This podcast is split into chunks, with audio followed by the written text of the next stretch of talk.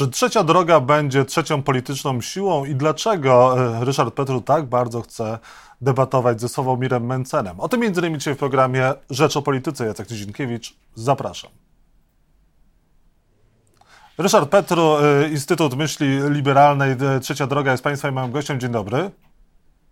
Witam serdecznie. Dzień dobry. Rzucił Pan nowoczesną dla Szymona Hołowni. Czym Szymon Hołownia Pana skusił ostatnim miejscem na liście warszawskiej? Co najbliżej jest mi programowo do tego, co oferuje Trzecia Droga. Na ostatniej konwencji, która miała miejsce w sobotę, był bardzo jasny przekaz, polska gospodarka, gospodarna, a nie polska marnotrawna. I jest to jedna partia, która sprzeciwiała się bardzo jednoznacznie podwyżce z 500 plus na 800 plus. Jest to mi najbliższe. Oczywiście nie mamy stuprocentowych, że tak powiem, podobieństw w programach, ale naprawdę jest mi najbliżej.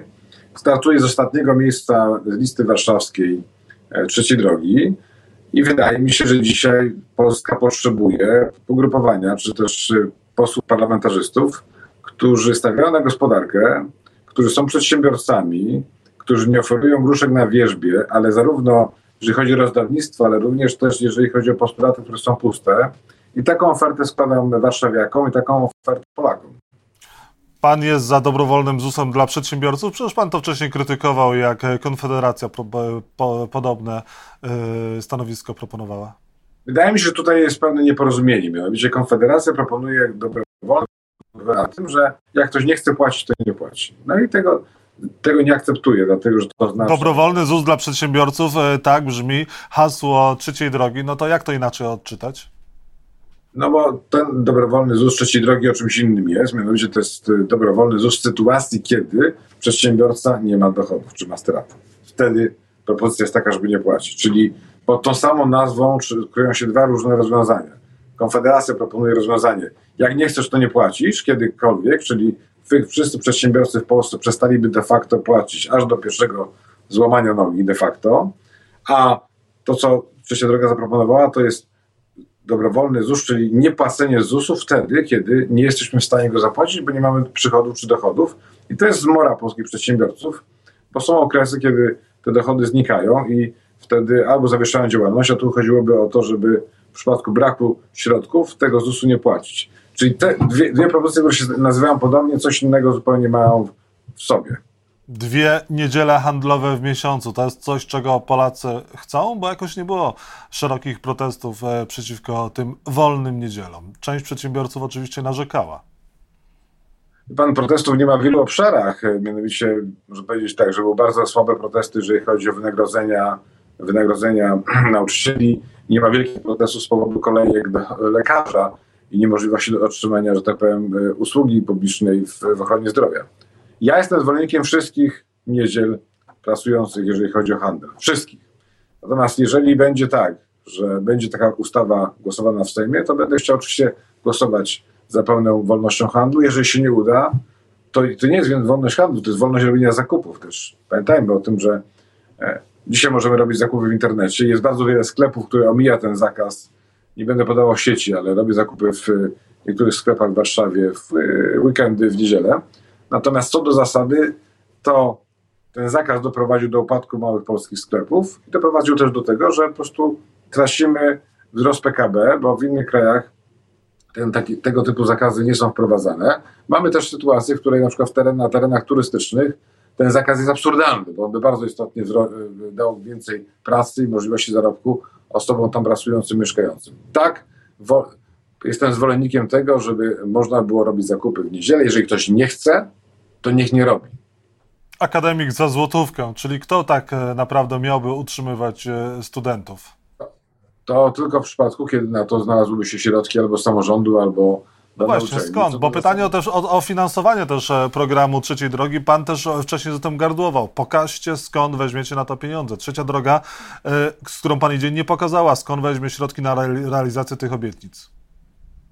Jeszcze raz, co do zasady, idea jest taka, żeby było mniej marnotrawstwa. Jeżeli na przykład 800 plus byłoby tylko i wyłącznie dla osób niezamożnych, to mamy z tego tytułu oszczędność rzędu 30 miliardów złotych. To jest bardzo wysoka oszczędność. Chcę zwrócić uwagę, mówiłem to u Pana kiedyś w też programie, że wydajemy tyle samo na edukację, co, co na 800 plus. To jest w ogóle skala niesamowita, jak bardzo marnotrawimy pieniądze w jednym obszarze, a jak bardzo nie inwestujemy w drugim. Co do zasady, nie jestem zwolennikiem tego, aby prywatne firmy budowały akademiki. Jeżeli pojawią się środki ze strony albo uczelni, albo samorządu na wsparcie, na wsparcie wynajmu akademika, jak najbardziej jestem za. Natomiast dzisiaj chciałbym mieć to kompleksowo złożone i nie jestem pewny, czy na to środki się tak łatwo znajdą. Wsparcie branży transportowej brzmi jak zaklęcie. Równie dobrze moglibyście e, powszechną szczęśliwość wpisać do programu. Co to znaczy wsparcie branży transportowej? Nie, tu chodzi bardziej o, o wsparcie, chodzi bardziej o kwestie związane z, z zapisami, z przepisami Unii Europejskiej. Wiemy o tym, że polska branża transportowa, mówię o transporcie szczególnie ciężarówek, jest y, naszym jakby towarem czy usługą eksportową.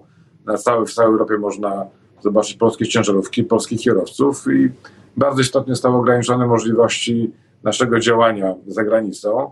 I tutaj ewidentnie rząd zaspał sprawę i polscy przedsiębiorcy czy, czy przewoźnicy e, mają znacznie pod, bardziej pod górkę niż mieli to parę jeszcze kwartałów temu. Tu chodzi bardziej o wsparcie na poziomie Unii Europejskiej, żeby były normalne reguły gry, żeby polscy przedsiębiorcy, e, przewoźnicy, polscy przedsiębiorcy przewoźnicy mieli możliwość działania na poziomie całej Europy na zasadzie wolnego, wolnego przepływu usług. Pan e, chciał debatować ze Sławomirem Mencenem. Sławomir Mencen przed chwilką powiedział, że on nie zamierza więcej promować e, dziesiątki numer, e, o, ostatniego miejsca warszawskiej listy e, trzeciej drogi. Dlaczego panu zależy, żeby tak bardzo z Mencenem e, debatować, a na przykład z, z Jackiem Bartyzelem, który z, z Konfederacji zapraszał pana do debaty, pan udziału nie weźmie? O ile y, kojarzę, to dziennikarze zapraszają mnie na rozmowę z y, panem Mencenem. To po pierwsze. Po drugie, mam ostatnie 40 miejsce na liście warszawskiej. A po trzecie, wydaje mi się, im bardziej pan Sławomir Mencen y, odmawia rozmowy ze mną, tym bardziej mnie promuje.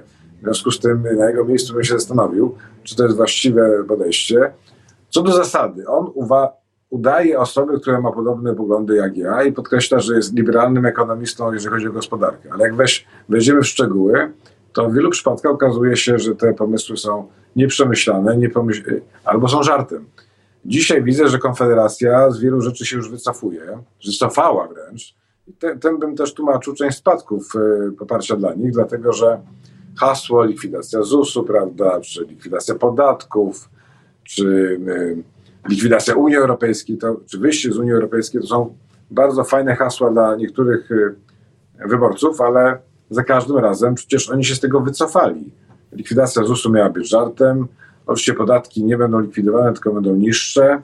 Z Unią Europejską za każdym razem widziałem pana Sławomira wczoraj w Radio Z. Też nie był w stanie odpowiedzieć, czy w przypadku referendum dzisiaj by wyszedł, głosowałby za czy przeciw. Mówi, że nie chce referendum, y, uważa, że to jest niepotrzebny y, akt dzisiaj, ponieważ większość Polaków jest za y, byciem w Polski w Unii Europejskiej, więc to referendum byłoby niepotrzebne. No, ucieka od pytania, co by było gdyby, to jest konkretne pytanie polityczne, ktoś takie referendum niestety może zgłosić. Po drugie, w jego ugrupowaniu jest na przykład niejaki pan Sośnierz, który ma szansę być posłem, który mówi wprost, że w takim referendum zagłosowałby za wyjściem Polski z Unii Europejskiej i wielu konfederatów jest y, podobnego zdania. Dlatego ja uważam, żadnej koalicji z Konfederacją.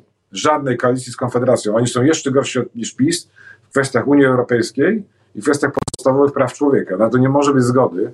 I ten sympatyczny, którego widziałem przed chwilą, pan Mencen, jest wyłącznie po to, żeby ukryć panów Korwinów, panów Braunów, panów Sośnierzów i inne osoby, które mają zupełnie niezgodne z polską racją stanu poglądy, a pan Sławomir Bęcen unika odpowiedzi na trudne pytania i po to ta ewentualna debata. Ja wiem, że pojawiają się hasła ze strony Platformy i innych, żeby robić konfederację, e, koalicję z Konfederacją.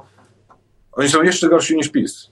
Natomiast jestem przekonany, że oni zrobią, że Konfederacja zrobi, jeżeli będzie taka możliwość oczywiście w sensie matematycznym, koalicję z PiSem i chcę zwrócić uwagę na to, że pan Sławomir Mencen na pytanie, czy zrobią, koalicję z PiSem, spytał, a jaka jest definicja koalicji? I zaczął dyskutować z redaktorem Romanowskim akurat o tym, co to będzie, jak będzie trzeci krok konstytucyjny, czyli de facto powodują, że doprowadzają do tego, że popierają nieoficjalnie koalicję, rządy mniejszościowe PiSu i dają przyzwolenie na tego typu rządy. Tego też się bardzo boję, bo to jest koalicja nie wprost. Tak? To nie, jest, polega, nie polega na tym, że dwie partie się dogadują, ma wspólną Radę Ministrów, tylko Konfederacja po cichu popiera rząd PiSu, za, za to ma dostaje różnego rodzaju synekury, de facto uczestniczy władzy, we władzy, ale na zewnątrz udaje, że nic takiego się nie, wyda, nie, nie dzieje. I to wydaje mi się jest poważnym zagrożeniem. Dwa, jest kilku posłów albo byłych posłów Konfederacji, którzy prowadzą negocjacje, rozmowy z PiSem. Oczywiście wszystko będzie zależało od wyniku wyboru 15 października. Mam nadzieję, że takich dylematów nie będzie, że to opozycja dzisiejsza będzie tworzyć rząd, ale wiemy dobrze, że łatwo nie jest, jeżeli chodzi o kwestie perspektywy najbliższych 30 dni i trzeba zrobić wszystko, żeby wariantu nawet cichego poparcia Konfederacji dla PiSu nie było. No ale w pańskim ugrupowaniu trzeciej drodze jest e, poparcie dla e, Konfederacji, ponieważ Marek Sawicki z e, PSL-u, który, który to PSL współtworzy trzecią drogę, mówi, powiedział w Polsat News, bliżej jest mi do Konfederacji niż do lewicy Zandberga.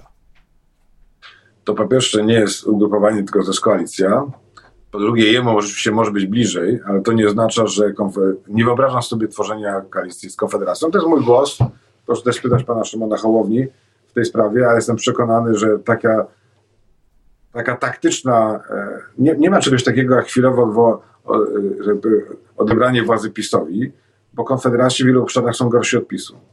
Mhm. Ryszard Petru, Trzecia Droga, był Państwa moim gościem. Bardzo dziękuję za rozmowę. Dziękuję bardzo.